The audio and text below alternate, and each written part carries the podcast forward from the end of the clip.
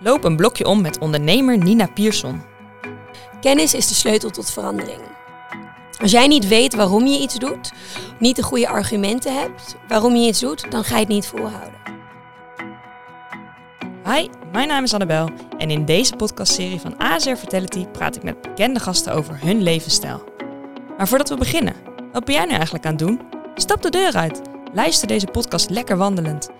En terwijl jij dan aan het wandelen bent, zet je zo zonder dat je het door hebt 5000 stappen. Dat is lekker toch?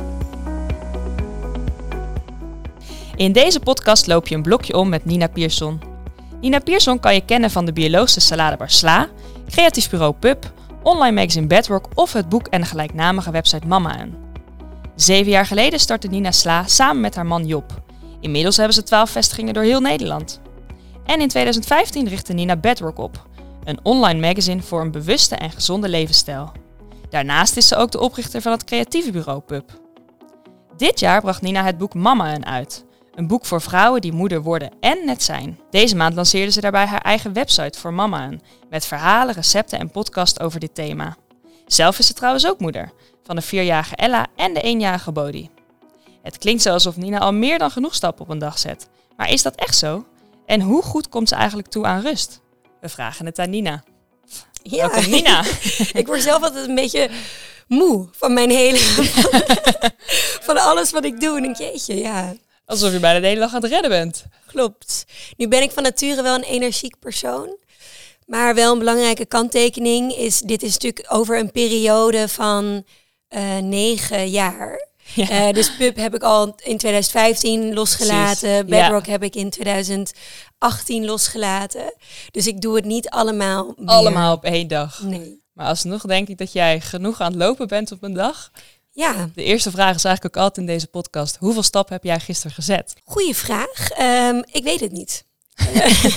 maar ik, ik denk, ik vind het wel namelijk leuk om het bij te houden. Dus eh, je hebt me meteen geïnspireerd om het eh, even goed bij te houden via mijn telefoon. Kijk, wat wel natuurlijk een feit is, ik doe wel veel computerwerk.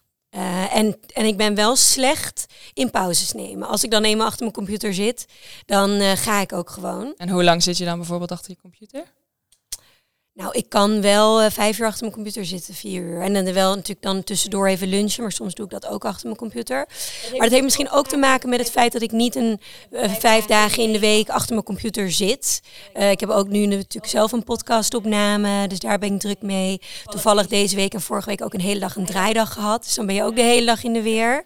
Dus de dagen dat ik dan achter mijn computer zit, dan zit ik ook best wel stil. Dus dat is wel een puntje van aandacht. Dan kan ik ook wel, denk ik, wel wat meer mee om wat meer pauzes te nemen. Ja. Wat vind jij belangrijk om voldoende te bewegen op een dag? Zeker, maar het is wel, het is zo geïntegreerd in mijn dagelijkse bestaan. Ook sowieso als jonge moeder ben je de hele tijd achter je kinderen aan het aanrennen in Amsterdam. Ik fiets alles. Ik heb nu wel sinds kort een elektrische fiets. Oh, waarom? Eh, elektrische bakfiets is het. Ja, met twee kinderen is dat echt de manier eh, om je snel te om je verplaatsen. ja, snel te verplaatsen. Eh, maar ik heb ook nog gewoon mijn eigen fiets. Dus ik vind het zeker belangrijk. Ik sport. Ik heb dat nu een tijdje ook wat minder gedaan. Ehm, dat schiet er dan ook weer bij in als, als eh, moeder van jonge kinderen. Maar ik heb wel mijn leven lang sport ik altijd. Eh, dus yoga Ja, doe ik dan. Ehm, en ik doe nu ook aan krachttraining twee keer per week. oké.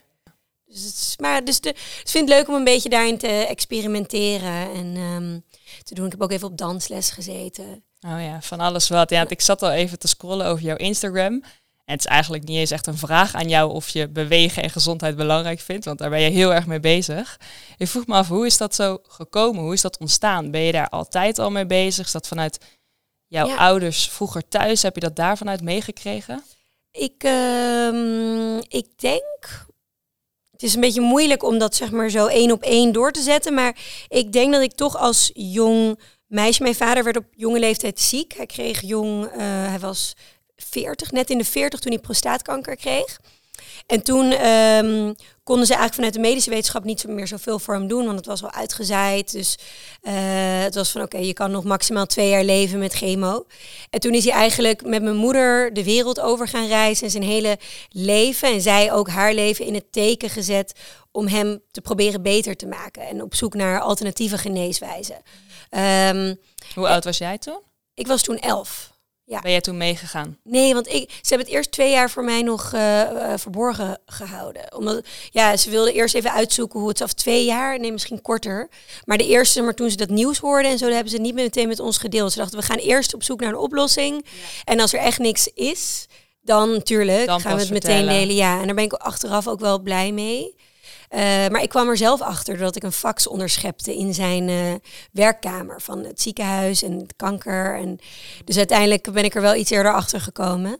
eh, wat ook oké is. Maar dat is natuurlijk, als zo'n jong meisje is dat een heel groot en eng woord Ja. natuurlijk. Dus dan, eh, ik weet nog precies, het ik kan me natuurlijk niet heel veel herinneren dan exact van die dagen. Maar ik weet nog precies dat we die avond dan naar Seven Years in Tibet gingen. Mhm. Veel met Brad Pitt en gingen Japans eten. Ik kan me die dag dat ik erachter kwam dat hij dus ziek was, heel goed herinneren. Maar goed, dus toen op hun zoektocht kwamen ze op allerlei dingen, met name dan leefstijl als medicijn, voeding, eh, zo min mogelijk stress. Ook vanuit China allerlei supplementen. nemen. Dus hij slikte volgens mij op een moment 40 supplementen op een dag. Eh, maar ja, dus allemaal kruiden, zeg maar. Ja. En ehm, even kijken, hij ging zwemmen, veel in Thailand ook nog gezeten, het warme weer. Dus echt alles wat je maar kan bedenken, dat ging hij doen. En jullie gingen dan mee naar Thailand bijvoorbeeld? Nee, dus wij hebben hem toen in fases ook wat minder gezien. Eh, dus hij zat in fases dan zeg maar, in de zomer meer hier en in de winter ook meer daar. Maar wij, we hebben daar gewoond ook. Dus we waren eigenlijk net terug uit Thailand verhuisd. Maar hij had zijn bedrijf daar nog. Aha. Dus, ehm, maar mijn moeder die perste dan ook eh, vier groentesapjes per dag voor hem. En dan En echt niet in- voor het hele gezin dan? Wij, vonden, wij moesten wel altijd proeven. We kregen dan een klein glaasje, maar het was echt pure wortelsap, pure bietensap. Weet je, niet de juices die we nu kennen met super veel appel erin. Nee, ik weet nog dat ik dat, weet je, met mijn neus dicht, maar ik moest wel inderdaad wel eh, af en toe. Ik denk dat ik dat een beetje onderdrukt heb. Af en toe even een glaasje meedrinken. Dus daar, ja. En uiteindelijk heeft hij dus in plaats van twee jaar wat, hij, wat de medische wetenschap hem hadden gegeven, heeft hij nog Mhm. elf jaar geleefd. En ehm, natuurlijk komt daar ook een stuk geluk bij kijken. Eh, hij heeft ook nog af en toe een bestraling gedaan. Dus het is niet dat Mhm. hij de medische kant maar, heeft afgezworen. Maar chemo pas het laatste jaar voor zijn overlijden was dat pas nodig. Dus, eh, dus dat was wel natuurlijk, ja, dan wordt wel een zaadje geplant. En het was niet toen van, oh, eh, je leefstijl is belangrijk, zeg maar.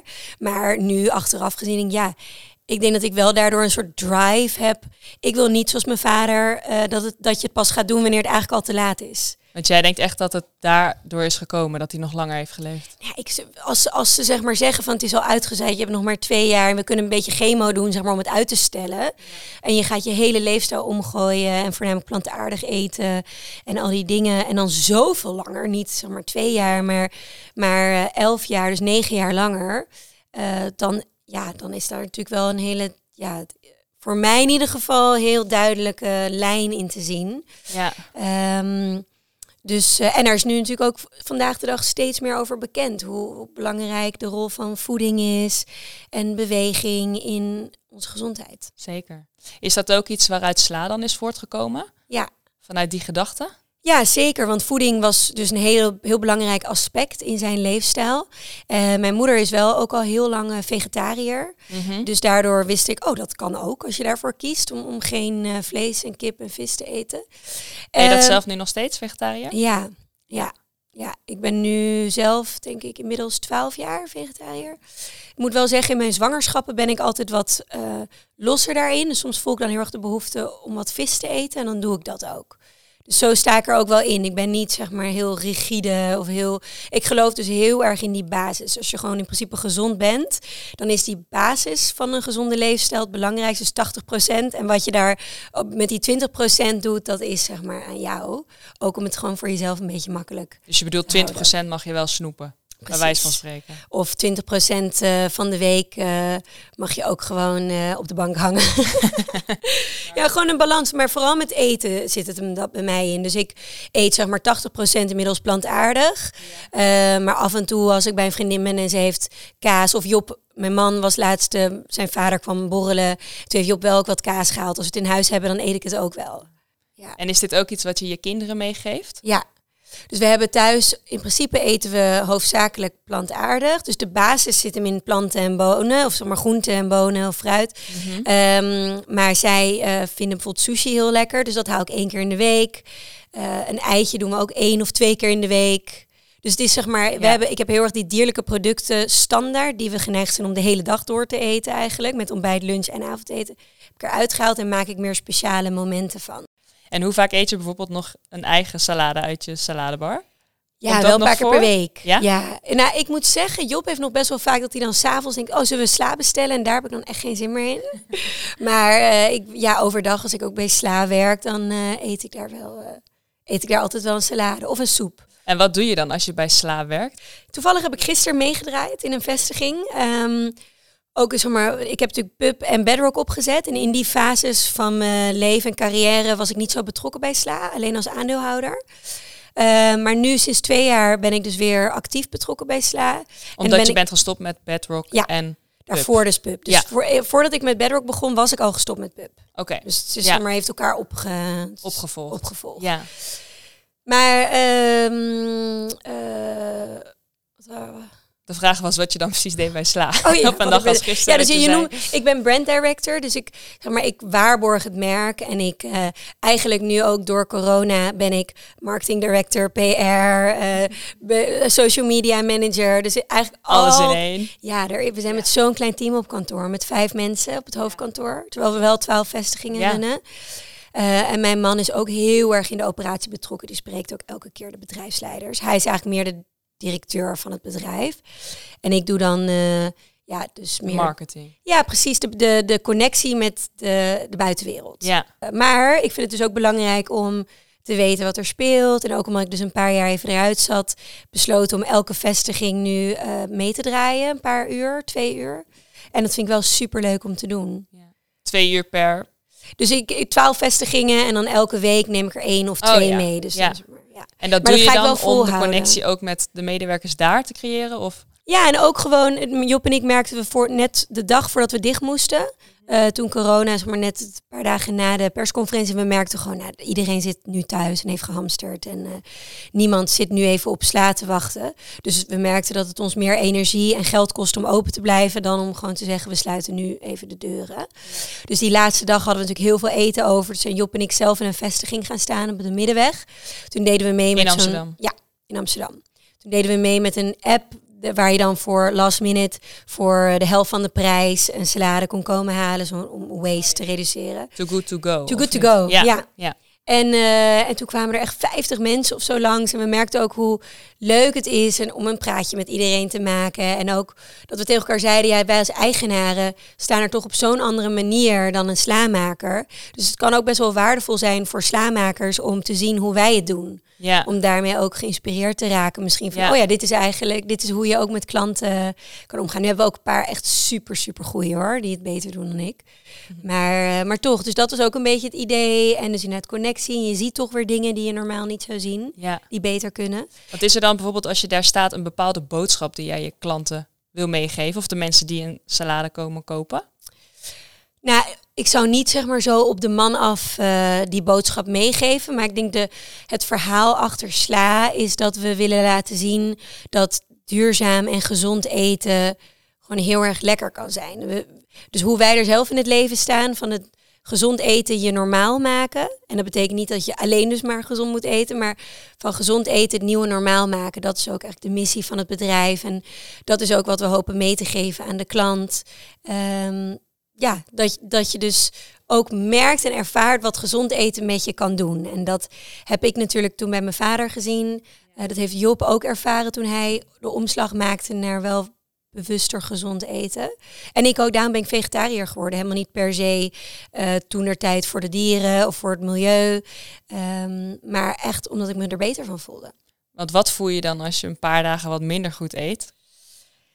Ehm, ik merk, kijk, als je eenmaal gezond eet, dan kan je het al na één maaltijd merken. Dat Wat je je gewoon dan? eh eh, futloos, minder energie, minder scherp in je hoofd, maar minder concentratievermogen.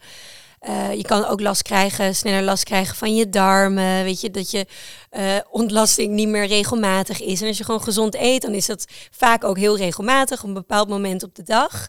Eh, meer, ja, vooral ook dat energie. En ja, Job noemde dat dan alsof een soort van grijze mist wegtrok. Nadat hij wel, maar dan ben je wel drie weken of zo al minimaal gezonder aan het eten. Veel suiker weglaten, je, Coca-Cola, dat soort dingen is hij toen helemaal mee gestopt. Je hebt nu dus al, als ik jou zo hoor, je hebt Sla opgericht, je hebt Bedrock opgericht, je hebt Pub opgericht, nu nieuw je, je boek Mama en, en ook een website. Denk je dat je dat ook allemaal hebt kunnen doen vanwege deze gezonde levensstijl? Je bent pas 34. Klopt. Hoe kan het Uh, dat ja, dat jou gelukt vraag. is? Ik, ehm, ik heb dus inderdaad een hele gro- grote eh, weerbaarheid, als je dat zo kan zeggen. Ehm, dus ik kan soms aan het einde van de dag inderdaad moe zijn. Maar als ik dan weer ga slapen, doordat ik soort van ge- gezonde... Ja, bedrock betekent eigenlijk basis, fundament. Eh, dus doordat ik gewoon een goede basis heb om op terug te vallen, kan ik heel snel ook weer opladen. Dus daar, ik doe ook al, ja, al eh, meer dan twaalf jaar aan yoga. En ook meditatie. Ik weet nog dat toen ik een meisje van eh, zes was en mijn vader zat te mediteren, dat ik toen al natuurlijk van hem leerde van, oh, hè, weet je, wat is dit? Eh, en daar ben ik echt van overtuigd dat dat heel, ja, heel belangrijke factoren zijn in hoe ik ehm, omga met dagelijkse stress en druk. Dus ik denk een gezond lichaam en een gezonde geest maakt je gewoon weerbaarder om met tegenslagen om te gaan. En met stress om te gaan. En dat betekent niet dat ik het nooit ervaar. Ik voel het wel. Maar doordat ik gewoon dus een gezond lichaam heb om op terug te vallen. En daarmee ook een gezonde geest. Want het is natuurlijk heel erg met elkaar verbonden. ehm, kan ik dingen beter aan. Of heb ik soms even een nacht slaap nodig. Maar dan is de volgende dag weer goed. Want hoe zorg jij dan voor een gezonde geest?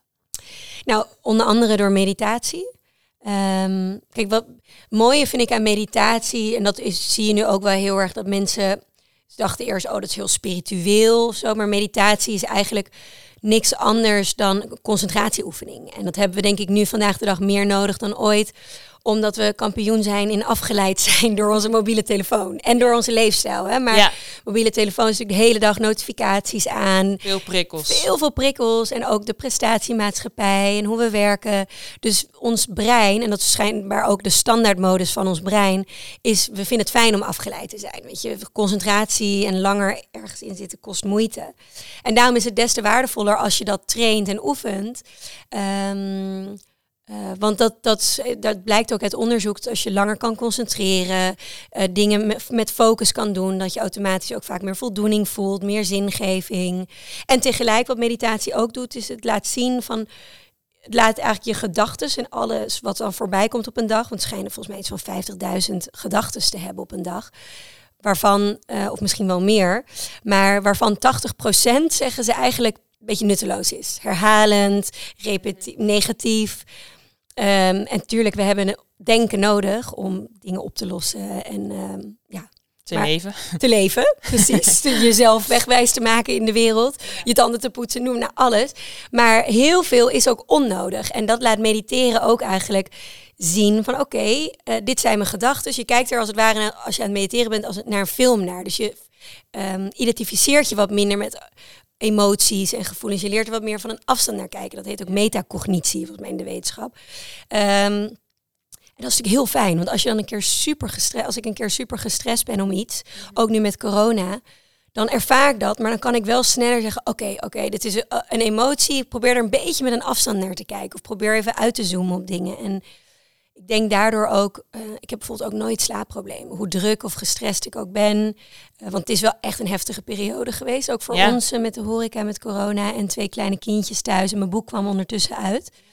Maar hoe druk ik het ook heb, ik kan altijd gewoon als ik dan mijn ogen dicht doe, de dag achter me afsluiten. Te En, veel. Want je bent nu bezig met dus nog steeds sla runnen. En ook mamaen, als ik het goed zeg. Mama en ja, ja. zelfbedacht werkwoord.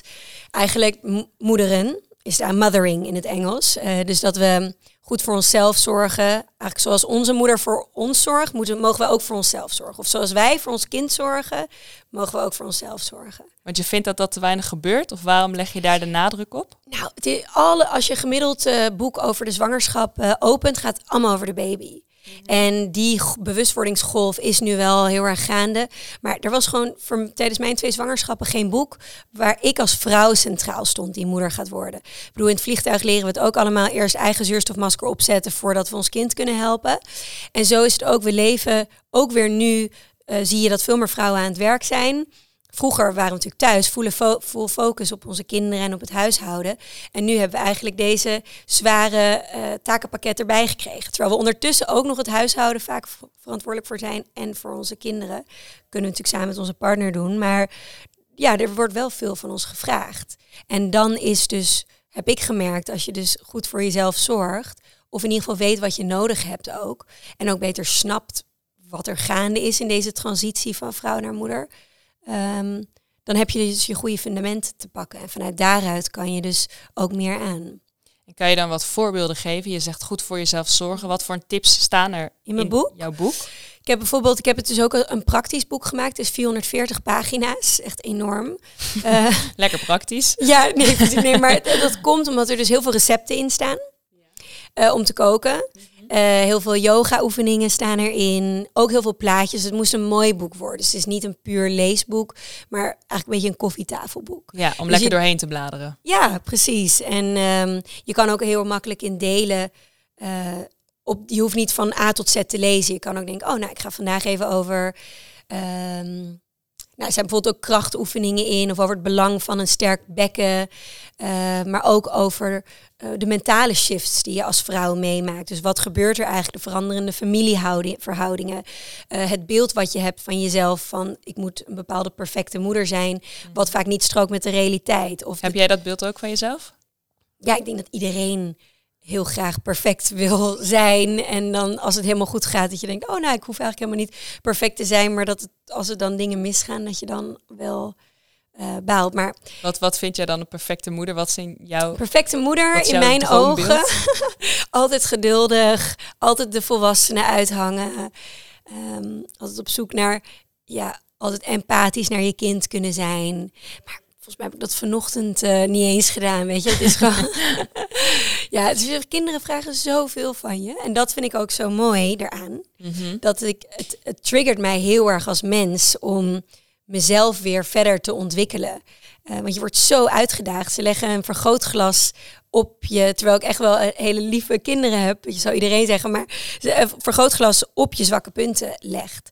En inderdaad, je komt thuis van een drukke werkdag en je moet full focus en dat verwachten, ja, dat mogen je kinderen ook van je verwachten. Die heb je natuurlijk de hele dag niet gezien. Dat je wel even met hun gaat spelen en leuk doen. En dan, oké, nu is het wel klaar. En dan moet je tanden poetsen en al die dingen hebben ze natuurlijk helemaal geen zin in. Dus uiteindelijk, uh, ja, gisteren waren we ook tot half negen bezig. En hoe laat lig je dan zelf in bed? Gisteren dus voor mijn doen laat, elf uur. Dat is laat. Ja, dat is echt laat hoor. Dat is echt de max.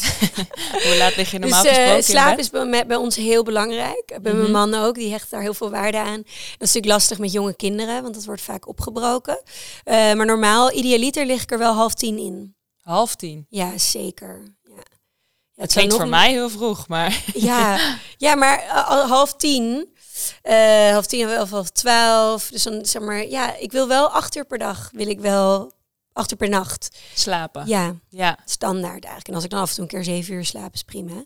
Want merk je dat als je, als je een paar nachten achter elkaar minder dan acht uur slaapt? Ik ga wel. Ik bedoel, het, het lukt wel. Maar ik merk eerder de andere kant op. Als ik gewoon goed slaap, dan merk ik dat alles eigenlijk makkelijker is, uh, beter is.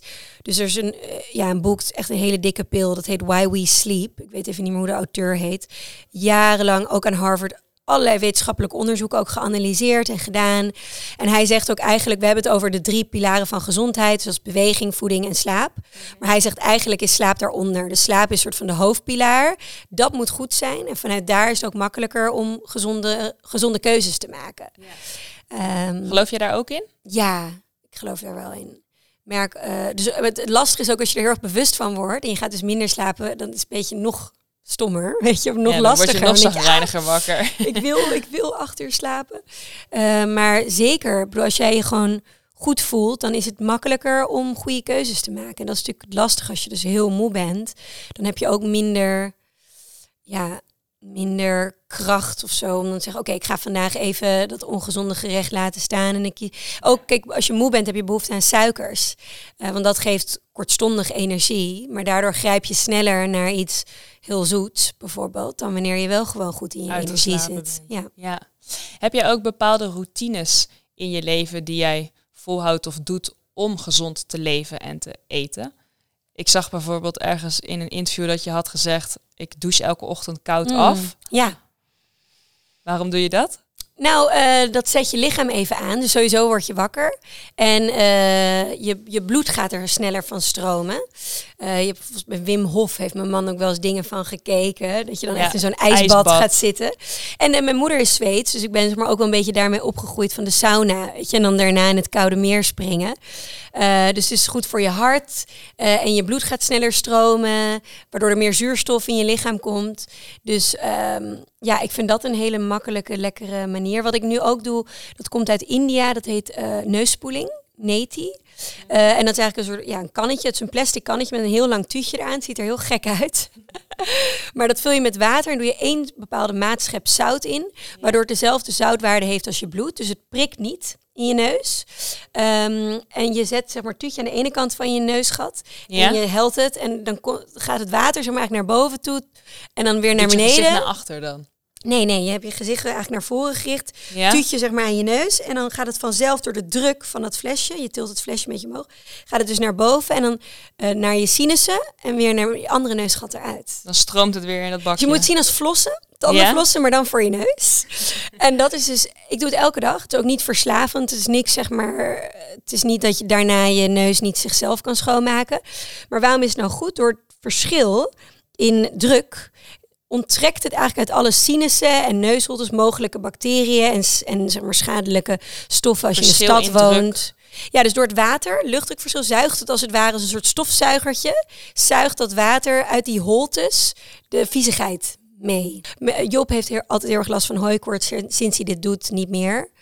Um, je hebt dus minder snel, als je een verkoudheidje hebt, dan kan je dat ook als je dat elke dag doet, de kans verkleinen dat het doorzet. Uh, je ruikt beter, het schijnt ook voor je concentratievermogen beter te werken, goed te werken. Hoe kom je elke keer op dit soort dingen? Ja, dit is van mijn moeder. Die van een yoga-retreat hebben we daar een keer uh, uh, dat geleerd om te doen. en dat doe ik nu ook weer elke dag. Dus ik doe het eigenlijk net zoals tandenflossen. en het werkt uh, supergoed. Mijn kinderen waren net verkouden en ik heb het nu voor het eerst een keer niet gekregen. Hey, lekker aan het luisteren. En aan de wandel? Heel goed, want dan heb je nu al zo'n 2000 stappen gezet. Wist je dat als je een half uurtje wandelt tijdens de lunch, je een stuk productiever en creatiever bent smiddags? Dat zou je vaker moeten doen. En even over gezond eten. Ik heb vaak het idee dat als ik in de supermarkt sta en ik wil gezond eten, dat ik dan vaak drie keer zoveel moet betalen dan gewoon een snelle hap. Ja, ik denk dat dat soms waar is voor sommige dingen, maar dat heel veel ook te maken heeft met dat je moet het even weten. Dus dingen in het seizoen kopen. Uh, als je een hele lekkere manier weet van linzen bereiden. Bijvoorbeeld, ik maak tomaten uit blik, biologische tomaten uit blik. Met linzen, rode linzen. En dan allemaal lekkere kruiden erin. Een soort van vegetarische gehaktsaus. Dat is echt niet duur. Maar je moet het wel weten. En ik weet wel dat de omschakeling naar nieuwe gewoonte. Dat kost moeite. Maar dat betekent niet dat die nieuwe gewoonte per se heel veel moeite kost. Volgens mij zegt ze dat, het drie, dat je drie weken nodig hebt om te wennen, om, de, om een nieuwe gewoonte te integreren. Je hebt vanuit de psychologie ook zo'n mooi model. Dat is, je gaat van onbewust onbekwaam. Dus je bent eerst niet bewust van dat je iets niet kan, mhm. naar bewust onbekwaam. Ja. En dat is een hele ongemakkelijke staat om in te verkeren. Ja. je komt erachter van, oh, ik kan dit eigenlijk helemaal niet. Of ik weet eigenlijk helemaal niet waar ik naartoe moet. En daar zit heel veel wrijving in. En dat is ook heel moeilijk. Maar dat ga je soms verwarren met dat die nieuwe gewoonte heel veel moeite kost. Ja. Maar je moet naar bewust bekwaam. En daarna ga je naar onbewust bekwaam. Dus dan... En die stap, want dit is eigenlijk een soort gedragsverandering waar je op doet. Ja. Wat is daar het belangrijkste inzicht dat je de afgelopen jaren daarover hebt gekregen? Hoe kan je die stap het makkelijkst bewerkstelligen? Ja, uh, ik denk één voor mij in ieder geval super, super belangrijk ding is... kennis is de sleutel tot verandering. Als jij niet weet waarom je iets doet, niet de goede argumenten hebt waarom je iets doet, dan ga je het niet volhouden. Dus alle keren dat ik grote veranderingen in mijn leven heb doorgemaakt, bijvoorbeeld door vegetarisch, nou, nee, vegetarisch was niet plantaardig te gaan eten. Ja. Um, dat kwam omdat ik in één keer een documentaire had gezien of een supergoed, heel sterk wetenschappelijk onderbouwd boek had gelezen. Um, of in, misschien met mijn vader ook er, als ervaring van wow, dit is wat een gezonde leefstijl ook voor je kan doen. Ja. Uh, en daardoor kan ik het volhouden, want ik weet waarom ik het doe. Maar als je gewoon zomaar iets gaat doen zonder dat je eigenlijk weet waarom het belangrijk is, dan is het moeilijk om het vol te houden. Is dit ook iets waar je met sla uh, naartoe werkt? Dat je dus mensen ook laat weten waarom het gezonder is om een salade te eten? Ja, dat is inderdaad zeker ook. Uh, toen we begonnen was het ook heel belangrijk van we willen het lekker maken. Sowieso. Maar, en, voedzaam. Maar tegelijk ook inderdaad meegeeft bewustwording van uh, inzichten en in combinatie met ervaring. Dus mensen zelf laten ervaren, want dat uiteindelijk, zeg maar, geloof ik niet heel erg in het overtuigen of zo, of een ander overtuigen. Mensen moeten het altijd vanuit zichzelf intrinsiek gemotiveerd zijn. Uh, maar je kan wel, inzichten kunnen daarbij wel heel erg helpen. Ja, want als ik jou zo hoor, ben je ook heel erg bezig met je boodschap uit te dragen. Ja, maar het zit ook van nature in me. Of zo heb ik al van jongs af aan altijd ook wel voorstellingjes gedaan. En altijd heel veel dagboeken ook geschreven. Dus heel erg soort van het uiten inderdaad van mijn gedachten. Um, en Instagram is daar voor mij natuurlijk perfect kanaal voor. Ja, want, want op Instagram heb je veel volgers. En wij hebben voor deze podcast ook op Instagram gevraagd wat volgers van jou wilden weten. En er kwamen wel een paar leuke vragen op binnen, die ik graag even aan je wil voorleggen. Mijn naam is Emma. Ik run samen met mijn man een bed and breakfast. En een gevaar voor ons is dat we daar alleen nog maar over praten, ook als we vrij zijn. Heb jij een tip voor ons hoe we hiermee om kunnen gaan? Nou, kijk, dat is natuurlijk. Dat zeggen we, is dat nou echt gevaarlijk? Het wordt pas gevaarlijk of een probleem als je er last van hebt. Maar Joep en ik vinden het zo leuk om over sla te praten. Um, dat, dat we ook tegen elkaar hebben uitgesproken van laten we daar nou niet te streng op zijn van oh, omdat het zo hoort van je moet ook zeg maar werk privé gescheiden houden. Ja, als je ondernemer bent, dan gaat dat loopt dat veel meer in elkaar over en we doen waar we blij van worden en waar ons hart sneller van gaat kloppen. Dus ik vind het heerlijk om dan ook als we inderdaad uit eten gaan om te dromen over over sla. Tegelijk, als jij voelt dat je relatie nu aandacht nodig heeft of in ieder geval daarover praten of over iets wat niet werkgerelateerd is, dan moet je dat natuurlijk doen. Ik denk dat het gevaar schuilt en als de een er wel behoefte aan heeft om over ja, en de ander niet. Maar soms leven we ook met een bepaald idee of overtuiging in ons hoofd. Terwijl, ja, is dat inderdaad een probleem om dat een beetje in elkaar te laten overlopen? We hebben wel laatst dat ik dan, dat Job omdat ik altijd prima slaap, dat ik ook in bed over sla kan praten. En daar heeft hij dan meer last van. Dus dat hebben we toen wel laatst uitgesproken. Mhm. Ik mag hem geen vragen stellen over sla of ingewikkelde dingen. als we, ja. Dus dat wel. Maar ik denk daarin samen kijken naar eh, wat werkt. En als het wel prima is, dan ook gewoon misschien even van genieten. Hey, Luca hier. Denk je er wel eens over na om nog een ander restaurant te beginnen? Iets anders dan sla? Ja, hebben we zeker over nagedacht. We hebben wel uit het verleden geleerd toen we zeg maar, als jonge honden begonnen. Um, dat je overal enthousiast van wordt en dan meteen ook iets wil oppakken.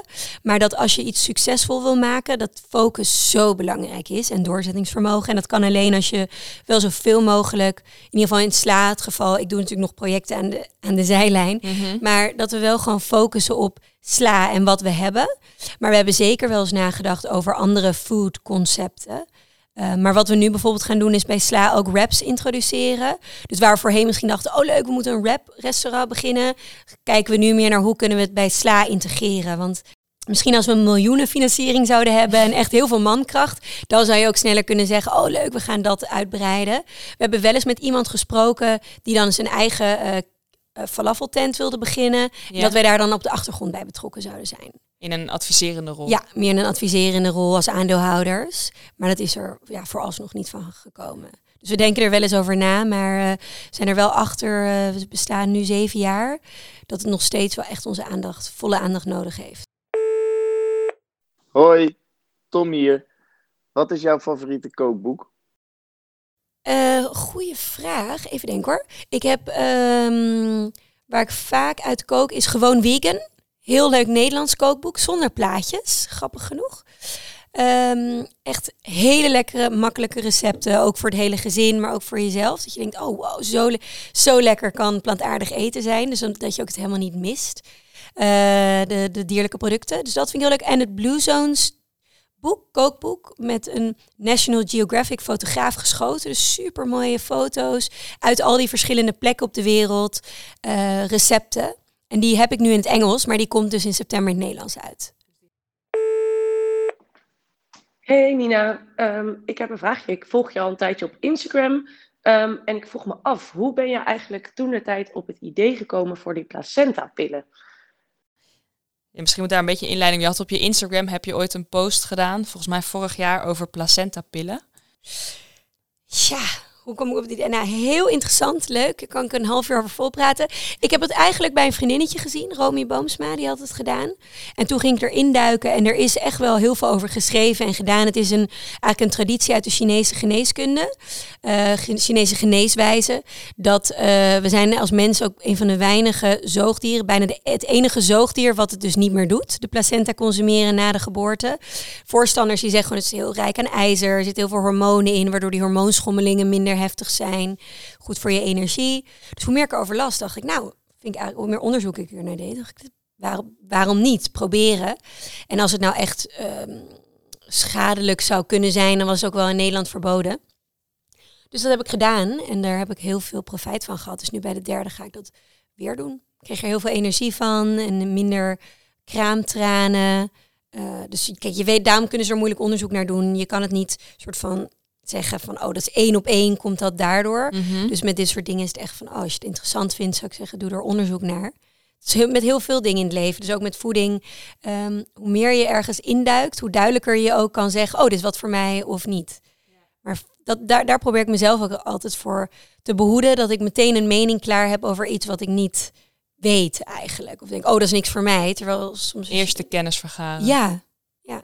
Want het klinkt zo gek, je eigen placenta eten. Ik heb het ook niet rauw of zo. Nee, hoe heb je dat gedaan Nou, dat dan? wordt echt helemaal volgens de Voedsel- en Warenautoriteit richtlijnen wordt dat bereid bij een placenta, ja, spe placenta specialist. En die maakt het schoon. Uh, en dan uh, droogt ze het heel lang. Dus het wordt helemaal uitgedroogd en dan wordt het verpulverd en in capsules. Dus een soort van vitaminepillen. Krijg je Zit er toch ook heel veel afvalstof in een placenta? Nee, maar die is, daar, daar, dat kunnen inderdaad tegenstanders zeggen. Maar je placenta is een doorgeefluik. Dus als jij zeg maar bijvoorbeeld heel erg medicijn of nodig had tijdens je bevalling of antibiotica, dan raden ze het inderdaad af. Maar uh, het is in principe gewoon een doorgeefluik. Dus die afvalstoffen blijven er niet in. Schadelijke afvalstof blijft niet in, want dan heeft je lichaam al lang weer uitgescheiden. Dus, uh, maar er zijn ja, met dit soort dingen, wat natuurlijk voor de medische westerse wereld vrij controversieel is, zijn er altijd voor- en tegenstanders. Dus daarom zeg ik ook altijd van, ik heb ook in mijn boek ook uh, de, wat de tegenstanders zeggen opgenomen, bijvoorbeeld. Weet je, het is gewoon belangrijk om je in te lezen daarin en dan een eigen conclusie te trekken. De laatste vraag die ik wil stellen van deze podcast, uh, wij iedere gast vragen is een soort van motivatievraag. Dus iets of om iemand te kunnen motiveren op een bepaald gebied. Nou, bij jou is dat eten. Mm -hmm. Um, wat is jouw gouden tip voor mensen die hun eetgewoontes graag gezonder willen maken, maar er niet zoveel tijd en of geld in kunnen of willen investeren? Ja, dat is, zo moeilijk. Want ik denk gewoon dat het echt zo belangrijk om te beseffen dat een beetje tijd erin investeren je zoveel profijt gaat brengen. Um, en dan inderdaad, geld snap ik, want daar, dat kan soms niet. Maar aan de andere kant denk ik, uh, kunnen we niet even daar ook soms kritisch naar kijken van hoeveel geef ik uit aan kleding en is dat wel echt nodig of kan ik misschien een potje van kleding of iets anders of uit eten gaan een keer minder en dat stoppen in eten. Ik denk dat het wel heel belangrijk is om te beseffen hoeveel profijt je haalt uit gezond eten. Niet alleen korte termijn, maar ook lange termijn.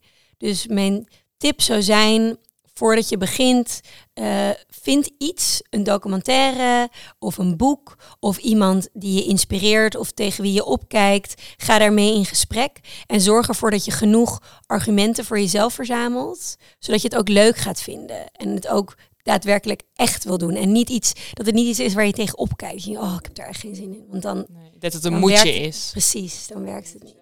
En je moet natuurlijk ook een beetje discipline hebben, maar het begint echt allemaal met motivatie. En dat kan niet door, denk ik, iemand een keer vluchtig iets hebben horen zeggen of een bepaalde trend oppikken. Dat is wel toch. En soms kan het ook al één documentaire zijn. Het hoeft echt niet veel Of een podcast. Deze podcast Ja. misschien.